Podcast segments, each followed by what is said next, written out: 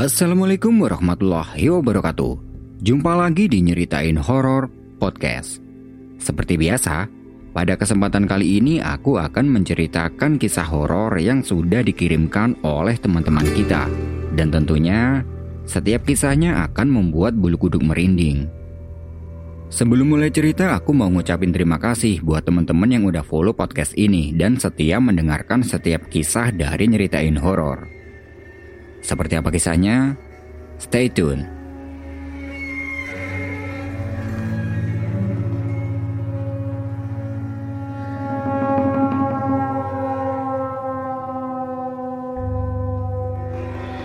Awal cerita, waktu itu Tian, Dava, dan Evan ini membuat agenda mendaki gunung.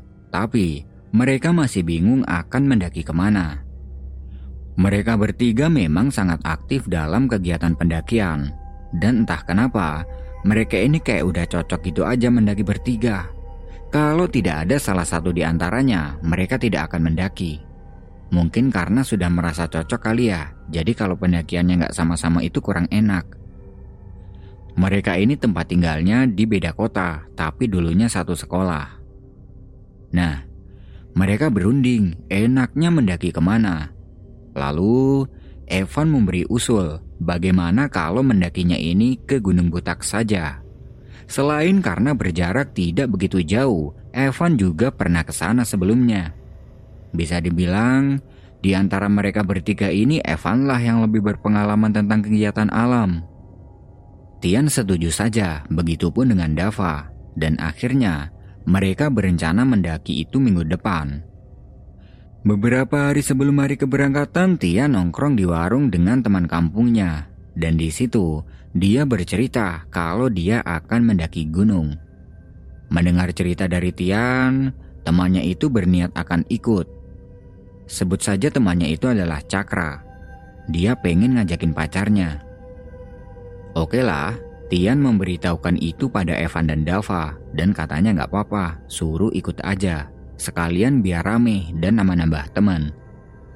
Singkat cerita, tibalah hari keberangkatan. Tian, Cakra, dan Dwi berangkat untuk berkumpul di rumahnya Evan. Sesamanya di sana ternyata sudah ada si Dava. Eh, kenalin nih, ini temanku, Cakra dan Dwi. Kata Tian. Mereka berkenalan dan lanjut packing-packing untuk membagi peralatan yang akan dibawa. Setelah semuanya sudah selesai, mereka lekas berangkat dari Kediri tepat jam 10 siang. Di perjalanan Tian berkendara sendiri, karena itu sudah menjadi kebiasaannya. Sesampai di gang menuju ke base camp, mereka mampir dulu di minimarket untuk melengkapi logistik. Setelah itu mereka lanjut masuk ke dalam gang tersebut. Tidak jauh dari situ, mereka diberhentikan oleh beberapa petugas dan meminta mereka agar parkir motor di sini saja. Evan tanya dong, karena dulu pas dia ke sini parkirnya tidak di sini. Loh mas, kok parkir di sini? Apa nggak kejauhan kalau ke atas? Iya mas, nanti ke atasnya bisa sewa ojek, cuma 10 ribu kok per motor. Kata petugasnya, sekarang sistemnya memang seperti itu. Semua pendaki wajib parkir di sini karena beberapa hari sebelumnya banyak kejadian motor pendaki ini mengalami remblong saat turun dari atas. Apalagi motor mereka ini semuanya metik dan itu sangat berbahaya. Motor metik memang sangat rawan. Kalau remnya panas, itu bisa blong dan kondisi jalannya itu memang sangat menanjak. Akhirnya ya sudahlah, daripada risiko juga kan, mereka memarkirkan motornya di situ, kemudian menyewa ojek sampai ke pos pendakian. Sesampai di sana, terlihat sangat sepi dan itu wajar. Karena gunung ini memang jarang dijamah pendaki. Mereka langsung meminta izin. Sambil mengisi formulir, Evan bertanya pada petugas pos. Sepi ya mas hari ini yang naik? Sepi mas, ada kemarin lusa tapi belum turun. Setelah selesai izin, mereka membagi logistik yang dibeli di minimarket tadi.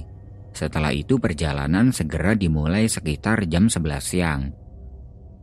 Di awal-awal perjalanan masih belum ada yang aneh.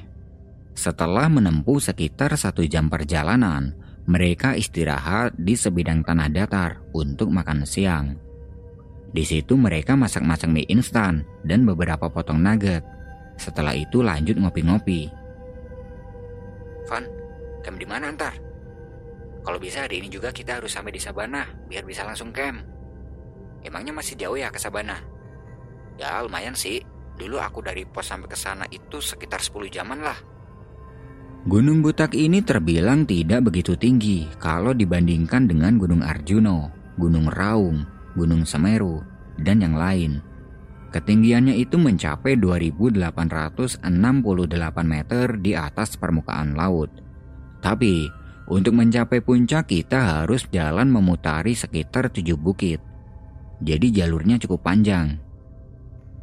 Setelah puas beristirahat, mereka mengemasi peralatan masaknya dan perjalanan kembali dilanjutkan. Setelah cukup lama berjalan, mereka istirahat lagi di sebidang tanah karena capek. Sekalian nunggu habis waktu maghrib. Karena kan kalau maghrib itu katanya para makhluk halus ini pada mulai keluyuran. Kalau istilah Jawanya itu adalah sande olo. Yang dari Jawa pasti pernah dengar kan? Nah, di situ mereka duduk-duduk sambil ngemil cemilan.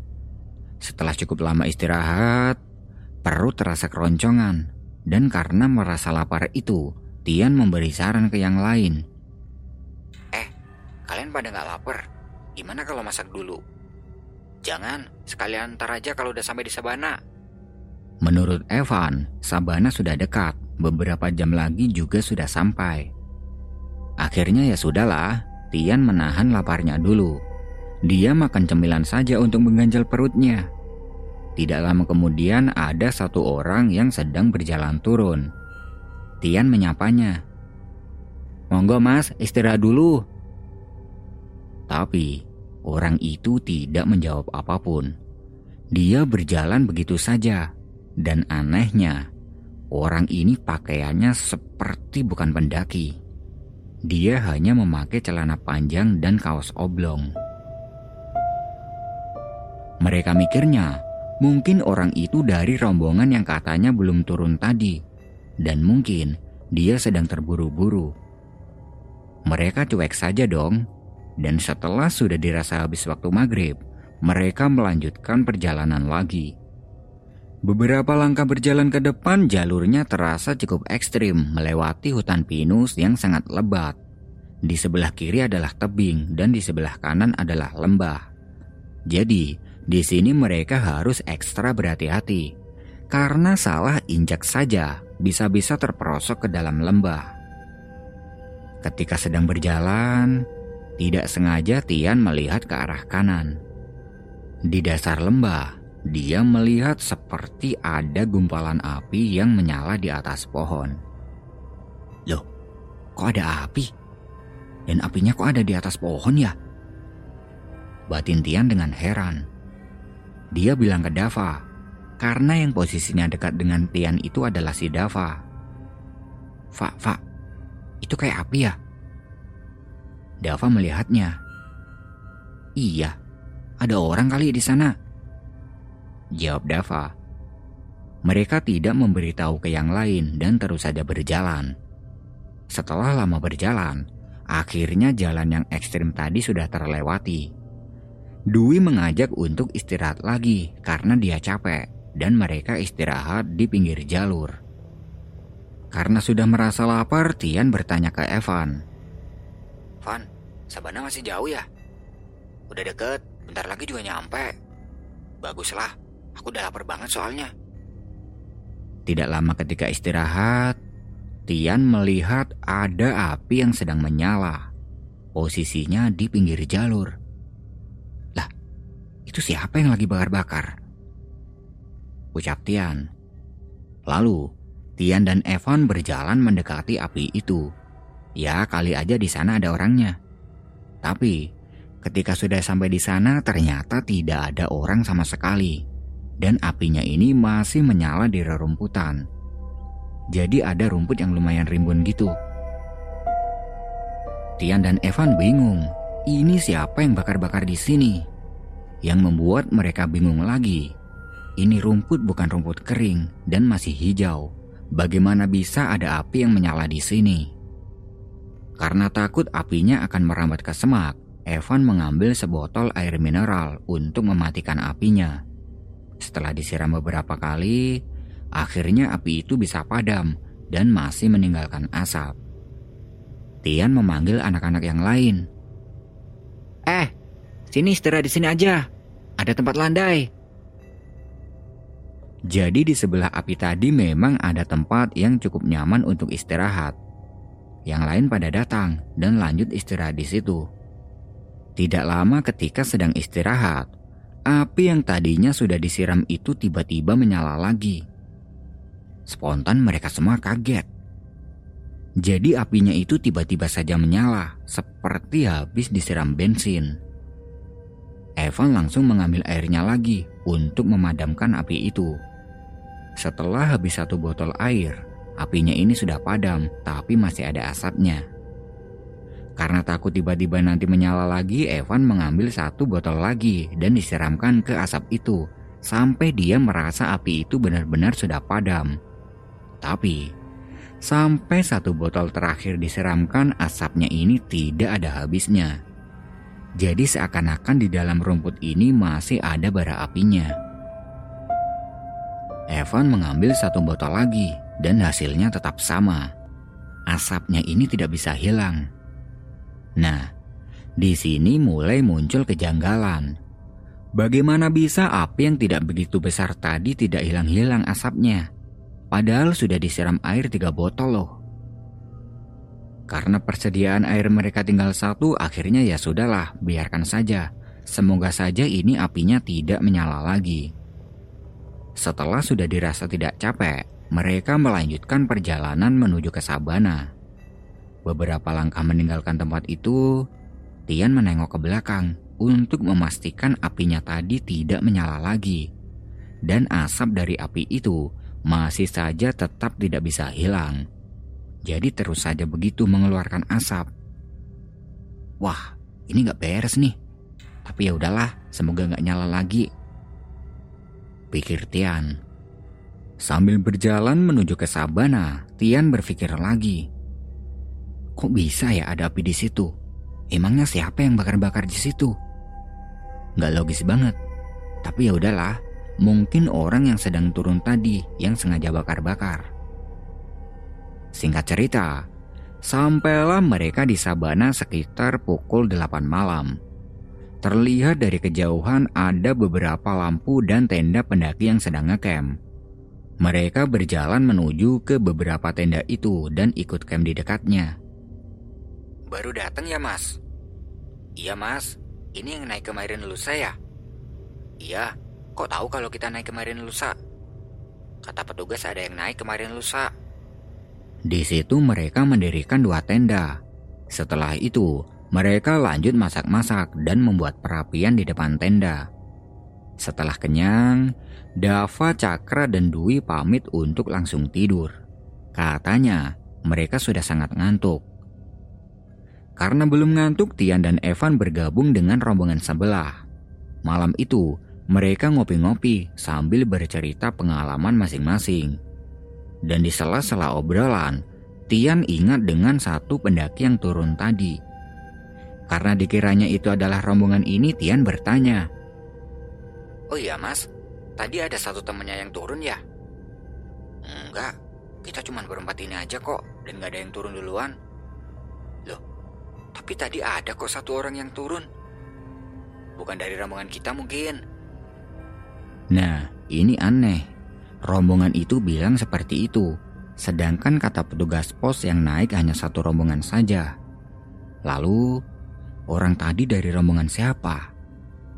Jadi informasi dari petugas tadi sudah tidak sinkron. Tian bertanya lagi. Ada rombongan lain gak mas selain rombongan masnya? Gak ada. Dari kemarin cuma kita aja yang kam di sini. Jawab salah satu pendaki itu. Tian dan Evan hanya saling melihat. Dan mungkin Evan juga merasakan kejanggalan, tapi diam saja. Akhirnya ya sudahlah, gak usah dibahas lagi. Mereka berpikir positif saja. Mungkin orang tadi sedang solo hiking dan rombongan ini tidak melihatnya.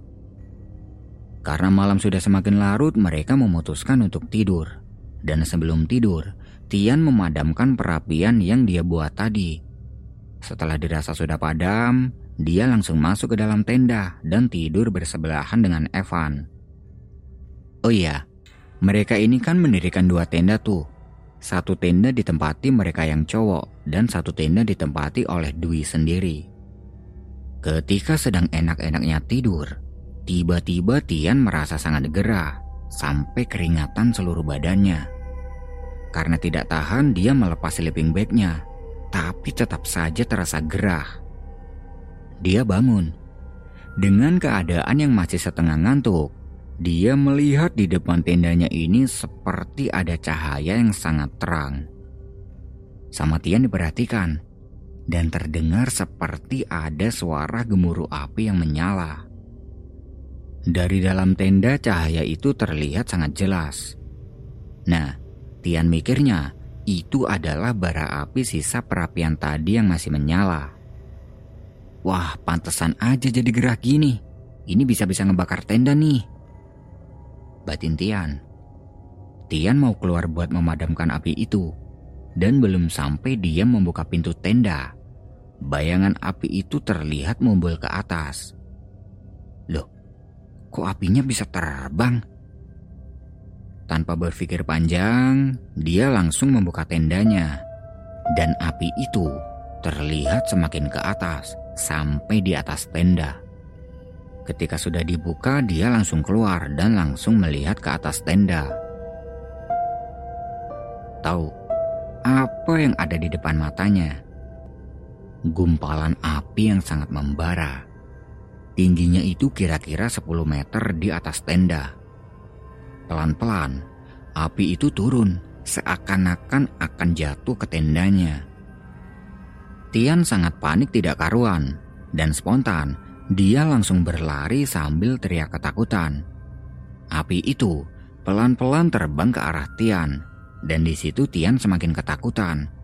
Dia mau balik ke tenda tapi tidak bisa karena gumpalan api itu masih ada di dekat tendanya.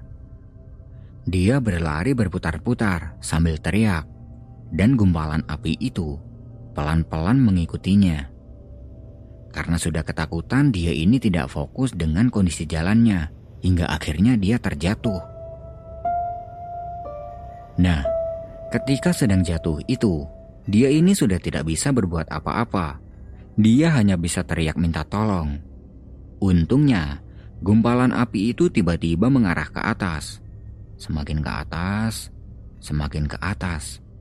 Hingga akhirnya, perlahan api itu meredup dan hilang. Tian berusaha berdiri dan akan kembali ke tenda. Dan belum sampai dia berdiri, terlihat teman-temannya pada datang untuk menolong Tian. Yan, kamu kenapa Yan? Ngapain malam-malam di luar? Ada api, gede banget. Aku habis dikejar. Api? Mana ada api? Udah hilang, tadi terbang ke sana. Evan, Dava, dan Cakra membantu Tian untuk kembali ke tenda.